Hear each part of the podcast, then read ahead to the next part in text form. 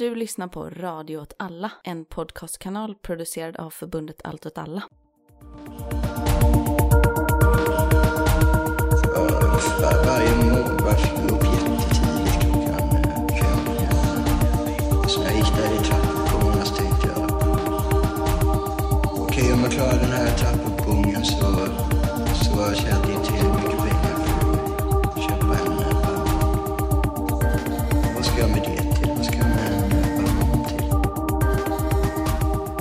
Hej och välkomna till eh, Sätt att se. Eh, nu när eh, det snart är första maj, när ni hör det här så tänkte vi göra en liten eh, första maj special och prata om eh, liksom eh, eh, kamper som eh, berör kulturindustrin. Så vi har en, eh, har gjort en jätte, jätterolig intervju med eh, Joey från ett fackförbund som heter Union of Musicians and Allied Workers, men som arbetar emot eh, Spotify kanske framför allt. eh, Och har eh, en kampanj som heter Justice at Spotify, som det centrala kravet är en cent per stream. Vad, eh, vad tyckte ni om intervjun? Ellen och Leo? Jag tycker det var väldigt intressant som man tog upp att eh, man hade liksom det här hoppet när Spotify kom om att det skulle bli så himla lätt för musiker att kunna tjäna pengar nu. Att man som liten musiker snabbt skulle kunna ta sig fram och man skulle inte behöva någon, något skivkontrakt eller något skivbolag som, som det skulle inte bli den här liksom, jakten på att få skivkontrakt utan man kan bara lägga upp sin musik så kan man typ få alla sina kompisar att börja lyssna på det och sen kan de sprida det vidare eh, och då så kommer man bara direkt eh, kunna tjäna pengar på den liksom så fort lägger upp den. Ehm, men, men så blev det inte utan eh, de har istället liksom under, lyckats undergräva hela musikindustrin med eh, musikjournalister och allt möjligt. Ja, men framförallt kanske musikerna själva. Alltså, eh, bolagen har ju tjänat ganska bra på det här. Lät det som på honom. Mm. Men jag tyckte det var intressant, eller för det lät på honom som att den här idén om liksom musik och ha ett musikintresse, i alla fall vad jag, så som jag ser på det, är liksom borta. Alltså att det finns inte längre det här att man söker upp musik, man gillar att läsa om musik och prata om musik, utan det är bara någon slags, eh, det är verkligen bara att sätta på en radio. Ja, jag tyckte också det var väldigt kul att köta med han och eftersom han var amerikan så tjötade han ju väldigt bra som de gör. De är bra tränade i det.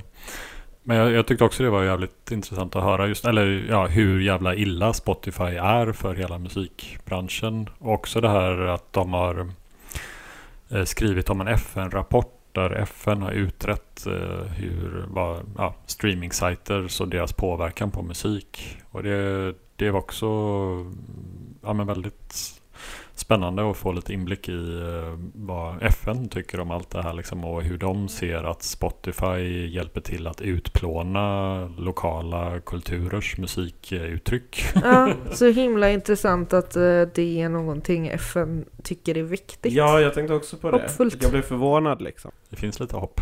Mm. Nu eh, eh, kör vi intervjun. Welcome to um, Joey from uh, Union of Musicians and Allied Workers. Uh, great to have you here. Uh, would you like to present yourself? Yeah, sure. Thanks for having me. Um, you said my name's Joey DeFrancesco.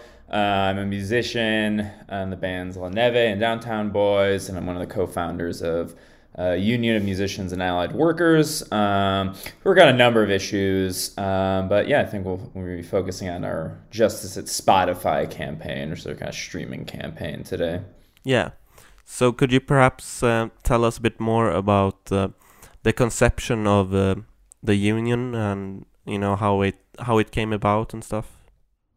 Yeah, so we began um, kind of discussing organizing uh, the new group in March of 2020.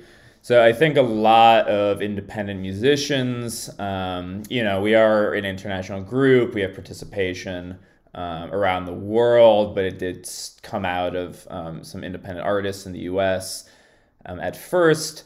Um, we had long wanted an organization to kind of fight for the, the, the rights of uh, smaller independent artists Um, there are uh, musician unions in the United States, uh, the American Federation of Musicians, uh, but especially over the last uh, you know a few decades, um, that organization is mostly focused on like classical musicians.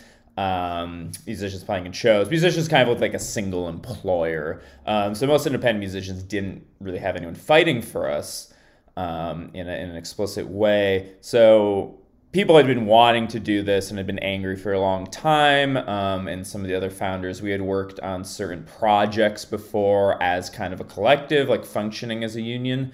Um, for instance, um, we had organized a successful action against the, the festival in, in Texas in the US called South by Southwest, where uh, bands from all the U.S. and internationally come, and you know it's this big place where art is supposed to become like discovered. Um, but they had some kind of shitty clauses in their contracts um, where they're going to work with the immigration authorities in the U.S. to uh, deport artists if they kind of violated the festival's uh, contract terms. Um, so we were able to enlist a lot of musicians to act collectively to change things with this festival. So it kind of created this model for us that we could and should like act collectively. That you know artists um, you know, when we just go on Twitter and complain about stuff uh, as individuals, we don't get very far. But when we had uh, this actual collective action, we won uh, fairly quickly. Um, so there have been a couple other examples like this. And finally, when COVID hit, um, we suddenly had all these artists uh, who were usually touring and working constantly um, were now unemployed.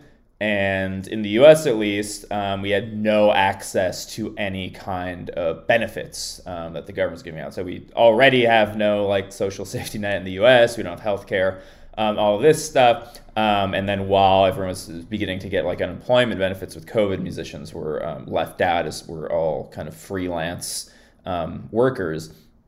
So we initially coalesced in that space because we were angry, we were unemployed, uh, and we had time to organize as as musicians. Um, and so did this big initial effort to get benefits for musicians um, in these COVID relief packages in the U.S. And then from there, kind of like, hey, instead of just being a one-off thing, we should continue. Um, and so we did, and we launched the organization in, uh, I think, May or June of 2020, more formally. Uh, so, but yeah, it came out of these kind of longer term efforts we'd already been doing. And then I think COVID was kind of the big impetus to like, yes, we're really going to, to do this thing now. Uh, so, how many members do you have? Um, so, currently, we are still working on having a more formalized setup where we can say, okay, we have this many paying members. Um, we've had some 30,000 people um, sign on and participate in our actions. Um, we probably have a core group of a few hundred organizers who are like actively coming to, to meetings and uh, planning things. But then again, we have the tens of thousands of musicians kind of in our network um, who we are organizing and within the next few months, uh, we're kind of formalizing our status more here to where we can give you a more uh, direct number. Uh, but you know, this has been the biggest um, organization um, uh, organizing musicians to take action on something like streaming or Spotify. Right, having that thirty thousand people take action uh, as far as we understand, the biggest kind of global organizing, right, of music workers to, to, to actually take a collective action.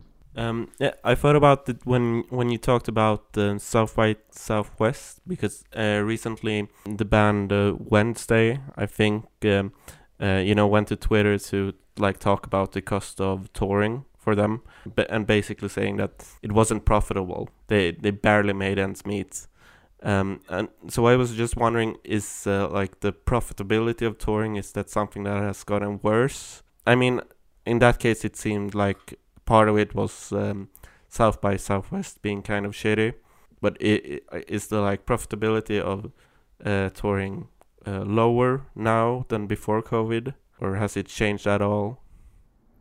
Yeah. So yeah, there's two parts there. I mean, I think South by Southwest um, is particularly bad uh, for artists. They kind of um, bank and market themselves as you're you're playing for exposure, right? If you go to this and you do a good job and you have a new record out, uh, all the music industry people there um, are going to discover you and you're going to be famous, uh, etc. Because they have that, they pay next to nothing. If you get an official, this is if you apply to South by Southwest, which you have to pay to apply to them. It's like 50 bucks or something. And so if you get accepted, they give you a choice, not both of these things. They give you a choice of either receiving $250 or a wristband to go to the rest of the festival. So it's nothing. Um, if you are in a band with like five people, like you're gonna split two hundred and fifty dollars to drive to to Austin, um, and it's in their contract that you're not supposed to play any other shows in Texas at the same time. So there's both a radius clause preventing you from working elsewhere, and they're not paying you anything. So it's really bad, and um, you know we are as an organization thinking about how we could you know organize a campaign um, around them because it is an interesting case where it's they have so much money and it's like bands from over the country and really all over the world come to this thing and get paid terribly by the same employer. So it's really something we can and, and should organize and. Um, that's definitely something we want to do. So if anyone's listening, should get in touch with us and uh, help organize that. But yeah, touring is you know it's it's it's hard. I think in in some places um, there's perhaps certain government um, grants, you know, if you have healthcare, safety net stuff that helps. But unless you're a fairly established artist, it's really tough here. Uh, you know, you're in a van, uh, you're not getting paid very well at some many of your gigs unless you've already been doing it for a long time. And I think you're right. COVID has made this much worse. Um, many venues have closed here, so it's been harder and harder to book shows, and the bosses booking the shows have more power um, because there's many musicians trying to book these these spaces right now. You know, understandably, a lot of fans are still not coming out to shows. Um, the COVID protocols and safety regulations are different depending on what state or even city you're in. Um, that can change every day. Um, so we're seeing a lot of bands, you know, struggling to make ends meet on tour, and then somebody gets COVID and they have to cancel the tour and have lost, you know, potentially thousands of dollars on that. At the same time, you know, the industry is so bad that performing live is actually one of the only ways you can make money um, as a musician here right now. So yeah, it's it's it's bad, um, and uh, it doesn't need to be bad, right? There's a lot of money in the music industry right now, and they're posting record profits every single year. Uh, but it's of course not going to the to the workers making the music. Mm-hmm. And um, I think one of the one of the biggest reasons for this is uh, Spotify, right? And so that gets us into uh, your Justice at Spotify campaign. Would you like to tell us about it and uh, once again how how it came about and and stuff like that? Yeah, uh, I mean, I think you're actually absolutely right to make that connection. Um, you know, artists have to tour so much because it's the only way to make money because we can't make money selling music or via streaming services. It's just absolutely nothing. Um, in terms of what, what they give as payouts. So we're forced into this situation where even now a lot of artists I think probably would prefer not to be touring until things are safer with COVID. But if that's your way of making money, um, we have no backup in the United States or safety net. Uh, you are forced in this position where you kind of have to go out and go to work um, touring, and that's kind of your only option. I think Spotify has also served, you know, their algorithms, editorial playlists have served to direct music listening to an ever smaller number of very famous, wealthy pop artists and attention away from smaller artists. So I think what we're all finding as, as you know, smaller mid-level artists is that fewer people are listening, fewer people are coming to the show because um, it's just changing how people consume culture um, overall. So I think this is ways it directly ties to, to, to touring and the, those difficulties. But yeah, just the Spotify campaign was kind of the, one of the first things, you know, we launched in 2020 with these demands for the US government to give us kind of COVID relief. And then, you know, artists weren't performing, we weren't touring, and most of the music industry at that point was in streaming, right? That was kind of the only thing going on is you could release music and go on these streaming services. And Spotify made a lot of money during the pandemic. They uh, tripled in value Um, their you know uh, valuation, the stock market, something like sixty billion dollars. It, it, went down again, sort of um, after things started to reopen again. Uh, but they made this enormous amount of money, uh, tripled in valuation as you know artists were, were suffering during the pandemic. And um, I think while we were not touring, we were able to slow down and look at that and say, hey, this industry is still making a lot of money, even though everything is shut down. What is going on? There's money being created and generated somewhere. It's not going to artists. This seems, you know, nuts. And so he picked out Spotify as a target for this because they're, you know, far and away the biggest of these streaming platforms. Um, they're one of the worst offenders in terms of um, how much they're paying artists, in terms of kind of driving this race to the bottom with their algorithms, their editorial playlists. You know, if you get on those editorial playlists at Spotify, that's like a make or break uh, for your career. And it's just determined by these like faceless editors and algorithms out somewhere. So there's already all of this anger against Spotify and thinking about it as labor organizers were saying, okay, we go where, you know, there's a hot shop where people are angry. And so we're saying we should go after Spotify in a collective way, right? Because people just been, you know, posting online, uh, Twitter, whatever, grumbling about this thing for years. Um, so we have to do something in a concerted, uh, collective effort to make uh, bigger demands of this company. Um, so we worked for a while talking with other organizations, what would make sense as some of like demands to go public with with Spotify and came up with a list of some, including um, you know paying uh, artists at least a penny per stream.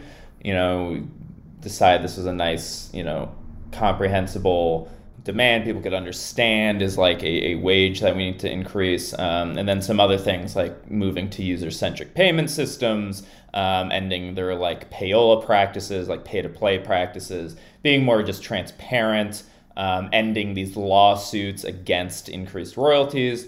So we had, you know, a, a, list of demands and started just getting artists to sign on to it before we went public.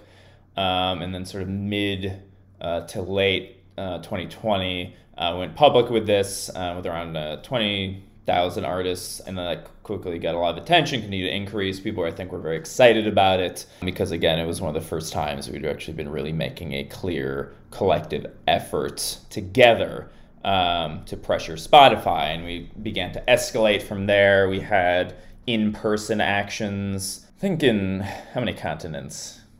All over North America, some parts of Europe, Australia, and South America, all on the same day. So we had a big day, international day of action across you know four continents with artists delivering these demands and the list of signers to Spotify offices. So, as far as I know, this was the first time something like this had been done of an international, like in person action uh, directed at a streaming service like this. So, I guess I'll pause there because that's kind of beginning. So, we can kind of talk about where it is at now. But uh, yeah, came out of a lot of anger and I think a desire to actually do something that could, uh, you know, actually pressure this company instead of just complaining online. Mm-hmm. Mm, to me, what one cent per stream uh, seems like a very reasonable demand. You know, for our listeners, how much you know on average do does a musician earn from you know one song uh, or one stream? And perhaps if you could talk about like the payment practices of of Spotify. Yeah. So it, it's hard to say with complete accuracy how their payments work because there's a complete lack of transparency. Um, a lot of this is determined by these kind of backroom contracts between Spotify and the major labels. Um, who are all in cahoots with each other. Sometimes people are like, "Oh, stop worrying about Spotify. Worry about the major labels." And it's like they are, you know, more or less the same, same connected entity. Right? Exactly. So it's like we have to pick a fight somewhere. Um, and we think we're kind of fighting both, right, by talking about the streaming services. But uh, yeah, what it seems like from people who have studied this over and over again, including in a, a UN report um, that came out last year that, that we use a lot to kind of talk about these rates, Spotify pays roughly a third of a penny, a US uh, penny, um, per stream. And that's like total, so that's on both sides. We're talking about publishing and the master side, and the, the U.S. system. This kind of like varies depending on what country you're in. Um, but overall, they're paying around a third of a cent, and that's lower if you're an artist like in the global South. Uh, so it, it, adds up to extraordinarily little. And if you're on a label, um, they're taking a giant cut of that. If you are even self releasing, in the case in the US, like whatever distributor you're using, you're paying them, you're getting a portion of those royalties back, but then you have to wait until your publishing statement to get another portion of the royalties. So it often ends up to being even less than 30%. And if you have five people in a band, like my band Downtown Boys, uh, it adds up to extraordinarily little, uh, small amount of money that you're getting. Some streaming services are slightly better, right? Some people report that, you know, Apple and Tidal pay a little more. Some are worse, like YouTube um, is regularly cited as being the, the worst in terms of payouts. But Spotify is paying around a third of cent, and they're, they're the market leader, right? They Streaming is something like 87% of music industry profits now. It's all music industry profits is streaming. And Spotify is around, I think, 30 40% market share of that, depending on who you ask. Um, so they're very much leading um, the economics on this um, and leading how much they're paying artists. And we say a cent per stream, it's interesting. I think most people say, yeah, that seems reasonable. Some people say, oh, that's too little. Some people say, oh, that's too much. Um, you know, we pick this as a minimum, just like, you know, we're inspired by these kind of like raising the minimum wage campaigns in the US, like Fight for 15, you know, thinking to actually organize artists, we need to make this a clear campaign um, I think people often get bogged down in kind of the minutia of how music industry economics work. For us, it's like any other labor campaign. Like it's not our job. You know, if we were workers at Walmart or McDonald's, we don't need to understand every detail of the economics of like McDonald's supply chain and then demand a wage accordingly we know they're making a ton of money. We're not making any money. Uh, we're going to demand more. Um, and I don't think there's any reason that you know music workers should, should think about this any other way. It's not our job to figure out how to make Spotify profitable. Um, if they're going to be using our work, they need to pay us fairly. And they have the money, right? They tripled in valuation during the pandemic without giving artists a raise. You know, they make the money they post in their, their profit statements, but they're also like all these tech companies, they're fundamentally data brokers, right? Um, that's where their value comes from because we have companies like Uber and Amazon that also all say, oh, we're not actually making a profit, yet somehow have like monopoly power. Spotify's doing the same thing, right? Their valuation comes elsewhere. It's this tech industry economics, and they need to build into that model that, yeah, they have to pay people if they're going to be operating. Yeah.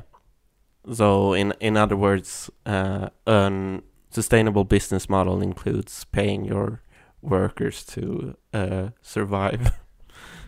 Yeah, exactly. I'm like, why should? Because some people are like, oh, that's too much. They'll go out of business, and it's like who gives a shit if they like if that they why should we like artists be suffering to why like why should we sacrifice as the workers to help a tech company become a monopoly in the music industry like that makes no sense uh, yeah so they need to pay it.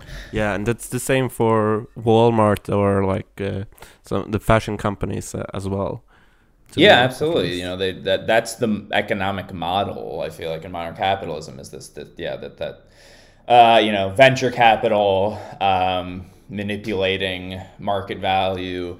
Um, you know, Tesla is a great example, right? You just kind of like manipulate market value, get that up, get your shareholders their money, and establish a monopoly in the market, and then you can jack up prices. So Uber is, a, is also a great example, I think, of how this works, or Netflix.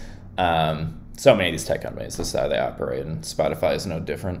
Mm, yeah, I was thinking about because it seems like Spotify is uh, going the route, the same route as like uh, YouTube or other uh, streaming like services that they want uh, longer form content like podcasts instead of music. And uh, I was thinking about that if because obviously they are like buying Joe Rogan or or other even smaller podcasts and uh, why why would they do that when they are famous for um, their music service? And why aren't they uh, giving the same deals to uh, music artists? Or are they? And uh, can you be punished for like if you have controversial uh, lyrics or something?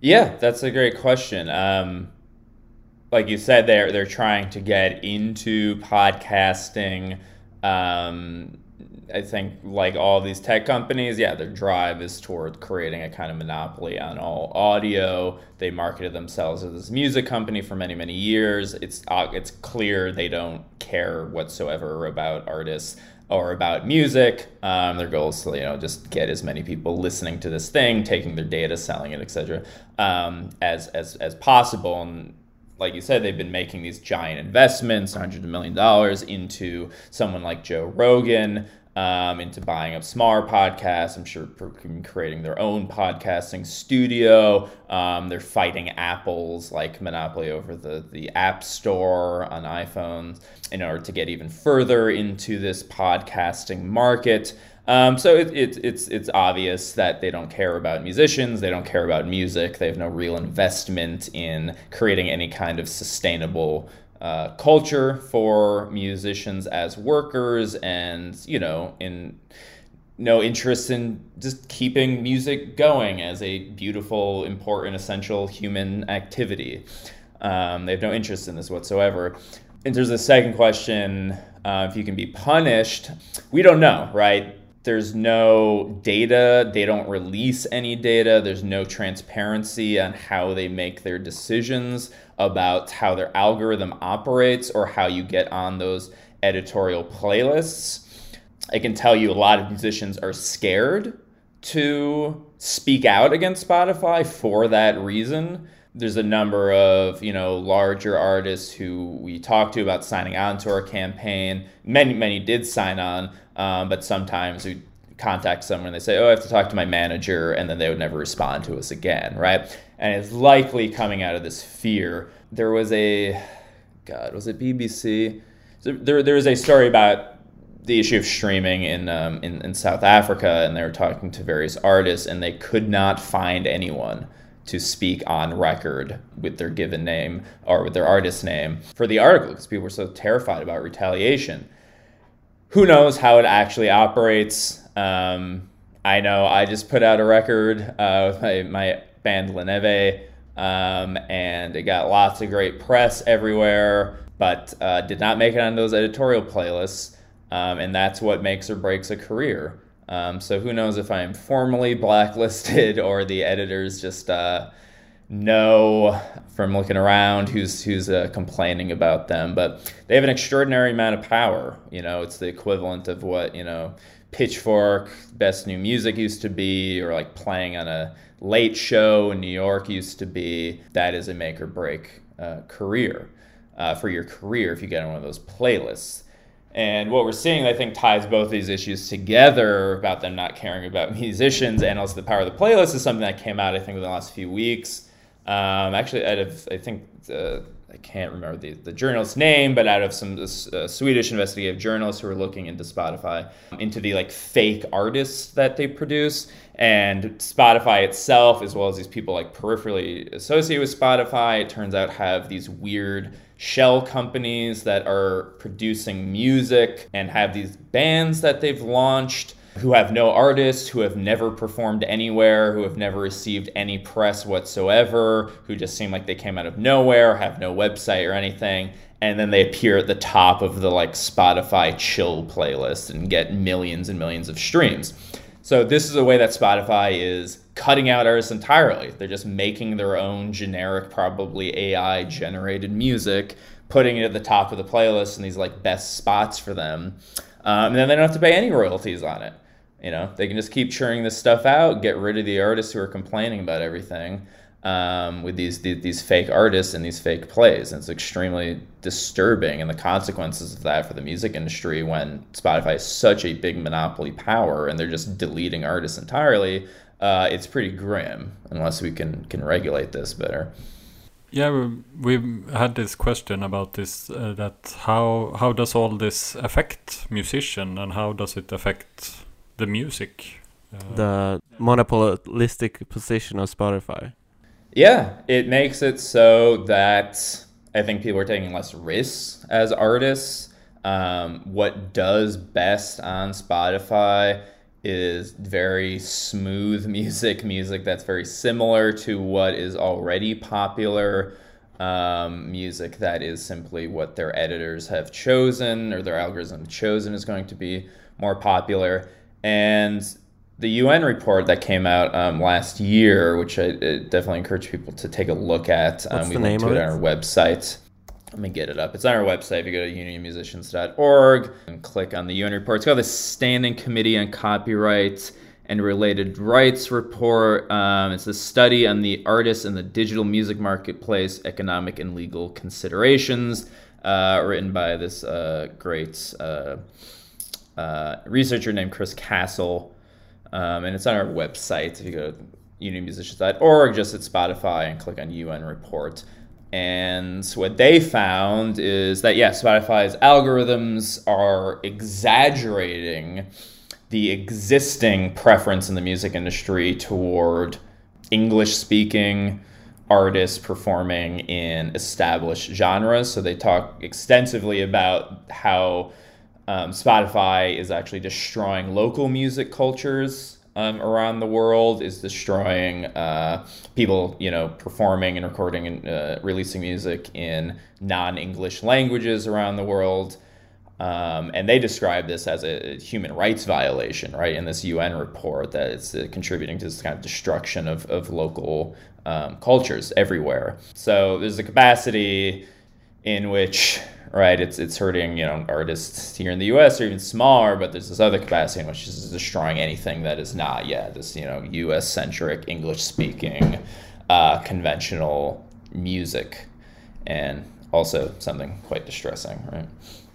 And those uh, those people, uh, people performing music outside of those um, perimeters are even more, you know, encouraged to, you know, have a good relationship with Spotify, so that they can get the like. yeah, yeah, yeah. People are scared um, of saying anything against the company, and this, you know, this was sort of the the early myth of the internet and streaming, right? Was that it was going to create a, a democratization of the music industry, democratization of culture, that it was going to enable um, smaller artists performing weirder stuff or whatever you're doing to have the same access to an audience, same access to tools as the major corporate pop artists, right? This was sort of the idea behind a lot of inter- early internet utopians. But what we found um, that every single person who studied this, right, is that uh, what streaming has done is actually increase the share of the market dominated by a small number of corporations, right? The top three big record labels um, control a bigger market share of the music industry now than in the early 90s right when we would think about as the great period of like major label music right? So they've become more powerful. There's a small it's you know it's, it's how the entire economy is working no matter what sector you're in. Everything is going to a you know smaller and smaller percentage of the 1% everyone else is getting less and less. But Spotify keeps, you know, presenting itself as this great disruptive, democratizing force. Uh, where again, in reality, what it is is that it's these algorithms pushing more people to a small number of uh, corporate artists than, than ever before. So um, regarding the um, the fake artists, we were going to ask you about, you know, reading these stories. Um, I ke- I kept, you know, wondering to myself, you know, why why would they do this? And, and could you perhaps explain why, or do you have an idea why they would? Because they are spending a lot of money on on, on fake artists. So and and why would they do that? Or I mean, they seem to be spending a lot of money on it. Yeah, yeah. Yeah, I mean, I think the biggest reason is just it's economically better for them, right? They make more money if they just have a computer uh, with maybe a human engineer write a like song at the top of their chill playlist that sounds like a famous artist who makes ambient music, um, and they don't have to pay that ambient artist royalties anymore on that million streams. They just have their own, uh, they own the music. So they don't have to pay anyone for it. Um, they can control who's on their platform, who's on their playlist more tightly. So they don't have to deal with people like us who are organizing to try to pressure them to do something. They have to deal with artists complaining. They don't have to negotiate. Uh, right, there are many ways in which the major labels are just simply in cahoots with Spotify, but there are negotiations they do. Um, there are negotiations that are then also done with some of the major unions.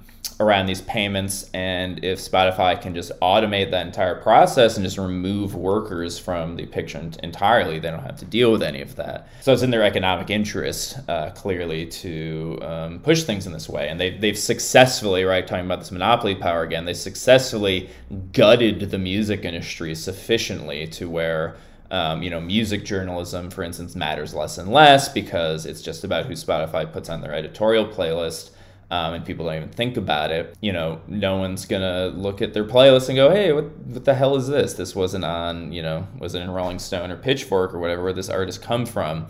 Um, and they're not gonna seek it out in the same way that they, they they might have before. So they've you know successfully gutted the industry to where they can just create their own in-house stuff, not pay anyone, not deal with it at all. So I think it's it's it's quite similar to uh, what workers are dealing with a number of industries with these these companies trying to cut workers out of the picture entirely um, and automate you know truck driving or automates the the supermarket checkout or, or whatever it is they, they think it's going to be you know better for their bottom line if they just don't have to pay anyone anything. Yeah i also wondered about this. Isn't there something that they divide uh, how many streams there are totally on spotify with uh, so if if they can make more streams with this fake music, they can also um, lower how much they pay or something like this. I, I, I don't know. Do you know what I'm talking about?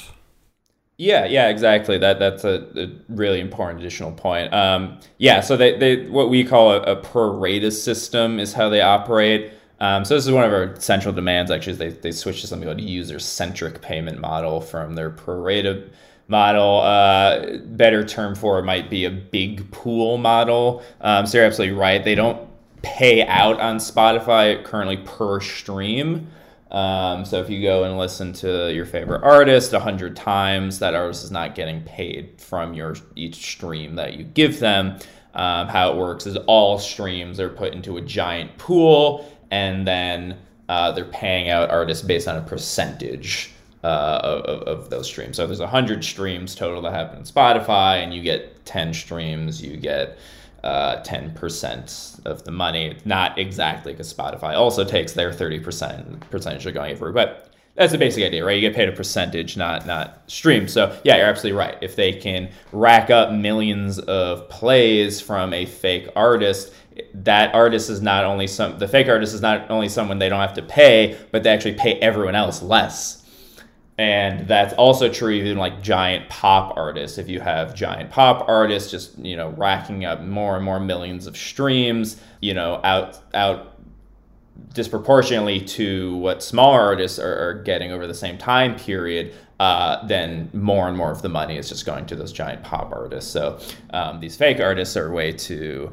uh, yeah, very directly depress the wages of, of all music workers. And many of these like fake artists have more plays than I mean people like Britney Spears or something, like these really really big stars, and it's people you've never heard of, and it's such a like odd phenomenon. Yeah, it's very disturbing, and it, it speaks to the power of those playlists. It's nuts how much playlists it's like it's just it's i just really cannot exaggerate how important those playlists are. Again just i knew how bad it was with putting out a new record over the past few weeks it's like shit if you don't get on this playlist you're it's just like you can't get into the algorithm it just like it's it's really bad yeah i i mean i listen to um, these playlists at times when i'm i'm feeling lazy I, I just keep having these feelings sometimes when when I hear a music that uh, an artist I haven't heard before that this isn't real.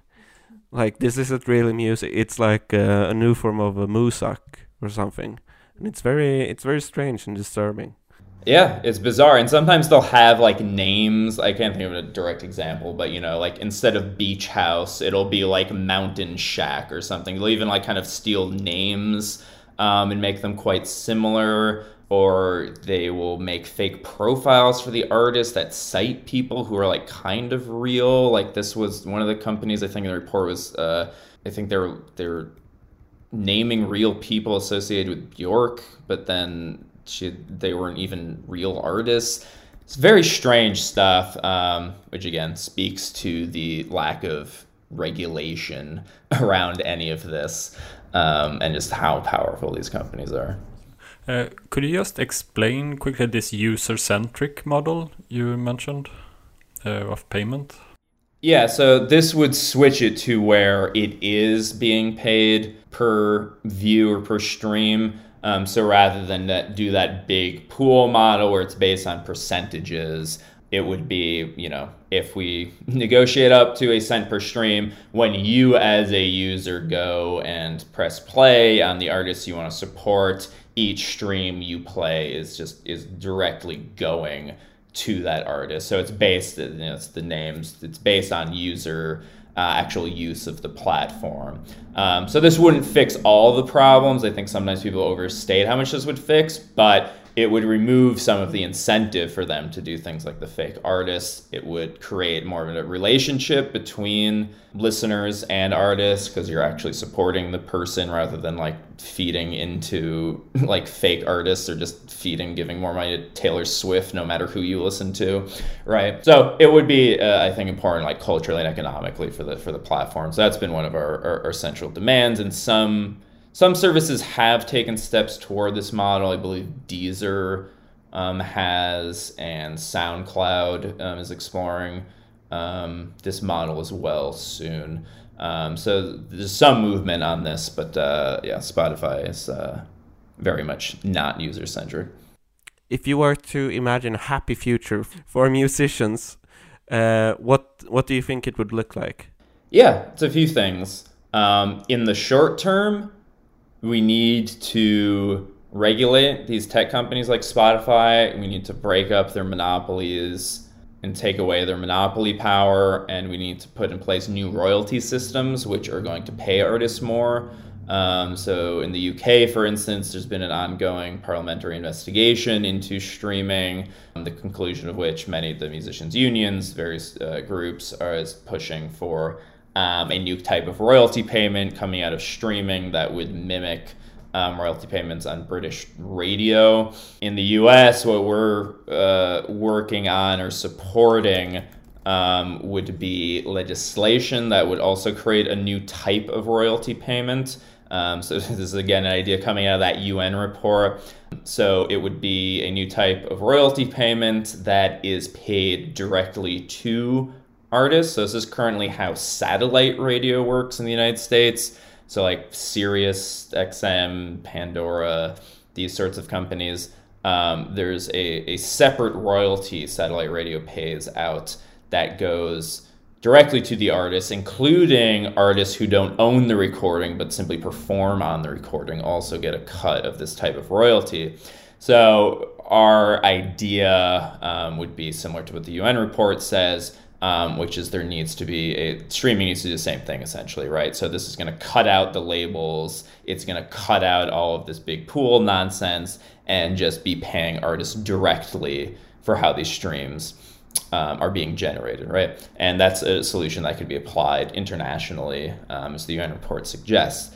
So we think these things are some of the stuff we need to be pushing um, right now to redistribute some of this massive surplus the industry is seeing right now. Their profits are going up every single year.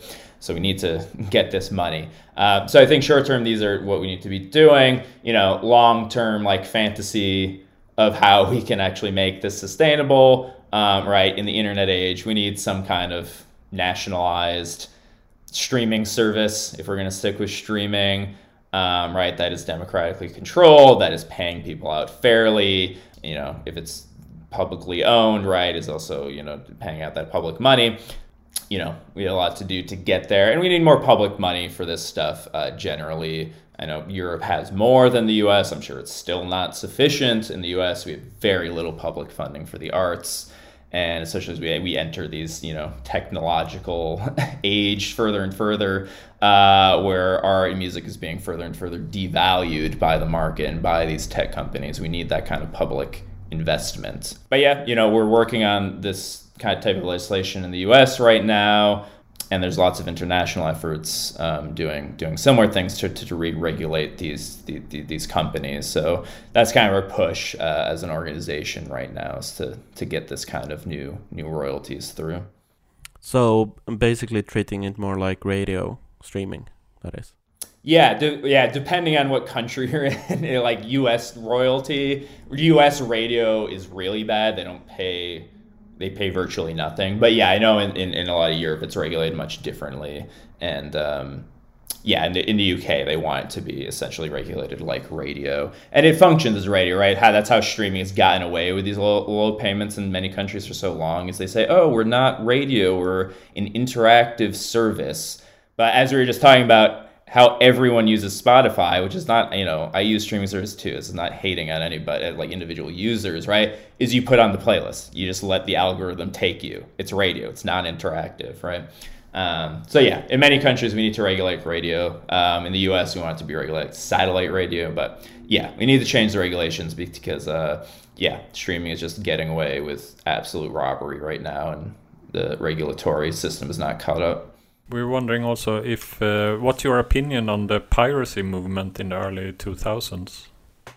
Piracy movement in the early 2000s. Um, you know, I'll defer to one of my colleagues in UMA, uh, Damon Krukowski, talks about this uh, quite a bit.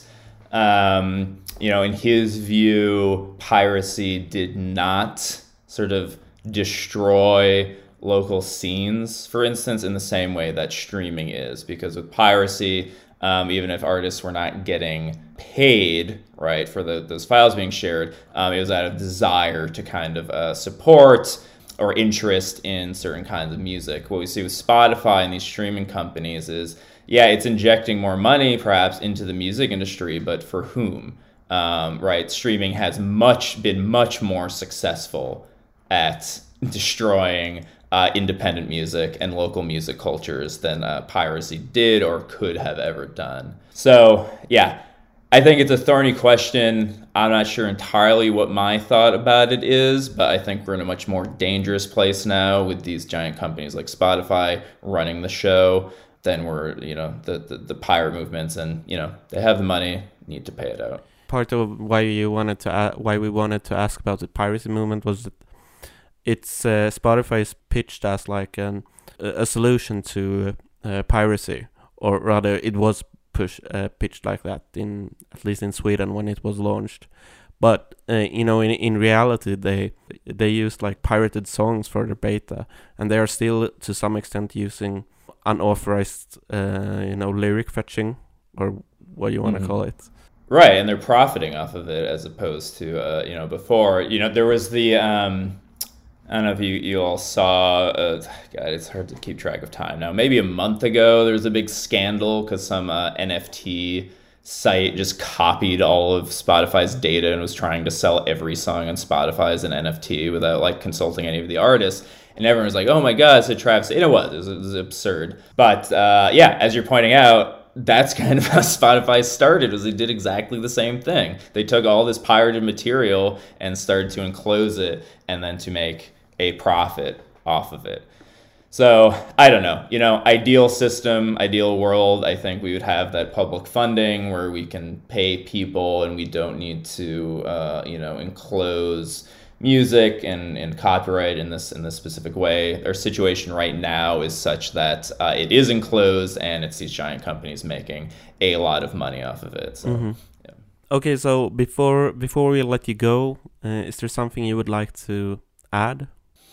Um, I don't think so. You know, go to unionofmusicians.org um, and sign up um, with us. I'm sure there's also local organizations. Um, you know, as I said in the beginning, the only way we're going to change any of this stuff is by uniting, like as workers, um, and joining with the rest of the labor movement, and uh, you know, demanding and forcing these these companies to make change because they're not going to do it on their own. They're not going to do it through a few isolated people yelling on the internet or deleting Spotify in a disorganized way. Uh, we have to get organized to, to, to, solve this stuff. So, yeah, unionmusicians.org. We have new meetings all the time. If you care about streaming, if you care about some other part of the music industry, uh, would love to to have you. Mm. Um, yeah, we'll link the website in the description. And, uh, you know, thank you once again. And uh, I'm, I'm really looking forward to see what you're going to do next and how it's evolving because it's so far it's been a real delight and uh, really exciting to to watch from afar. yeah, thanks so much for having me and, and following us. And yeah, we always uh, delight to, to talk to people in Spotify's uh, home home turf there in Sweden. So Yeah. Yeah. yeah, good luck with the struggle and nice to talk to. You. Yeah, thank you. Ja, det där var intervjun med eh, fantastiska Joey. Jag tänkte att vi som, som ett litet outro här skulle själva svara på frågan utifrån ett perspektiv som musikälskare. Vad är våran idealbild? Hur vill vi att musikindustrin ska se ut för att eh, vi ska få ut så mycket som möjligt av den? Alltså, ehm, eh, jag vill ju dels att musikindustrin ska dö. Eh, eller liksom inte ska finnas som koncept. Men jag vet inte, jag har typ alltid tänkt på så här, mitt, mitt, eh, min idealvärld med liksom musik och konst i allmänhet är liksom att det ska ske ett typ eh, ganska fritt och eh, förutsättningslöst eh, skapande där alltså man kan eh, lika mycket så här ägna sig åt musik som en hobby som eh, eh liksom som något mer professionellt men det ska vara liksom eh, Ja, jag vet inte. Jag det, det är mitt ideal liksom att, att alla ska kunna göra konst. Jag, ehm, jag har ju tidigare idag stått och ehm, så här, eh, lackat av en massa hyllplan. Och det var så här väldigt tungt och fysiskt arbete för att jag har en ledig vecka nu. Och då kände jag så här, då kände jag att det här är så jävla gött typ. Alltså jag, jag älskar den här grejen att man bara typ Ehm, står och arbetar och, och det är inte för att jag måste utan det är eh, för att jag vill och det blir liksom så extremt mycket eh, kärlek i det arbetet ehm, som man gör bara för att man älskar det. Och eh, det är väl det som jag önskar ifrån musikindustrin, att man ska kunna göra det, att det ska eh, jag, jag tror verkligen att det kommer bli så extremt mycket bättre musik om eh, det finns den liksom genuina kärleken. Precis. Att man gör det av sin kärlek till musiken, inte Mm. för profit. Mm. Inte behöva anpassa sig liksom Ja. efter profitmotiv. Ja, att man inte behöver tänka så här. Jag måste komma in på den här idiotiska chill vibes spellistan. Så därför måste jag lägga in någon sån här konstig syntslinga. Eh, men också att man är, jag tror att många som använder Spotify nu, alltså de allra flesta som gör det, är liksom att man sätter på någonting i bakgrunden, typ när man har en middag. Och eh, så det blir, det blir en sån över, eh, eh, alltså en sån stor del är liksom bara um, ja men eh, sån här AI-musik som, som passar bra och som, eh, som kan vara i bakgrunden och bara sätta stämningen lite grann. Men eh, det som gör att jag älskar musik och konst och de allra flesta som är liksom passionerade för det är väl just att det uttrycker, det ger chansen att uttrycka alla känslor. Alltså även så ilska, typ riktigt eh, liksom rå musik som är så här eh, typ skriker obehaglig att lyssna på. Det är också viktigt att det finns och att det får komma med i algoritmerna. Något som utmanar en lite, inte bara stryka den medhårs. Mm. Ja, jo men verkligen. Och, och jag är väl inne på lite samma spår när det gäller en drömvärld för kreativt skapande av musik och allt annat. Det är väl att ha ett samhälle, ett klasslöst och statslöst samhälle där eh, som är byggt på devisen eh, av var och en efter förmåga åt var och en efter behov. Och då tror jag att väldigt många skulle ägna sig åt att eh, uttrycka sig konstnärligt på olika sätt. Liksom. Att det är något som vi har ett behov av som människor allihop på olika sätt. Och eh, det vore fint, tycker jag. Verkligen.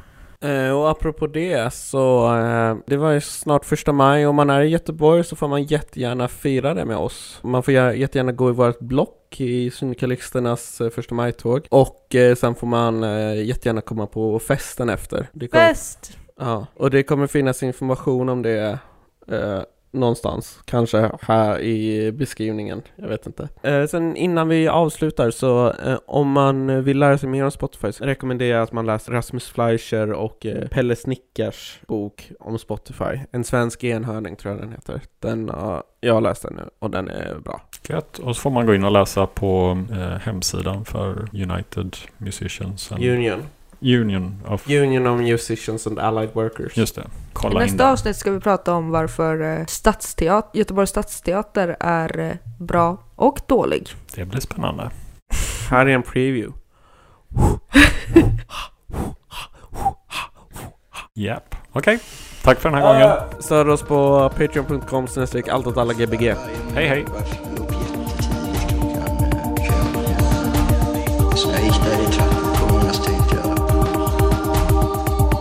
kommer klara den här tappuppgången så, så känner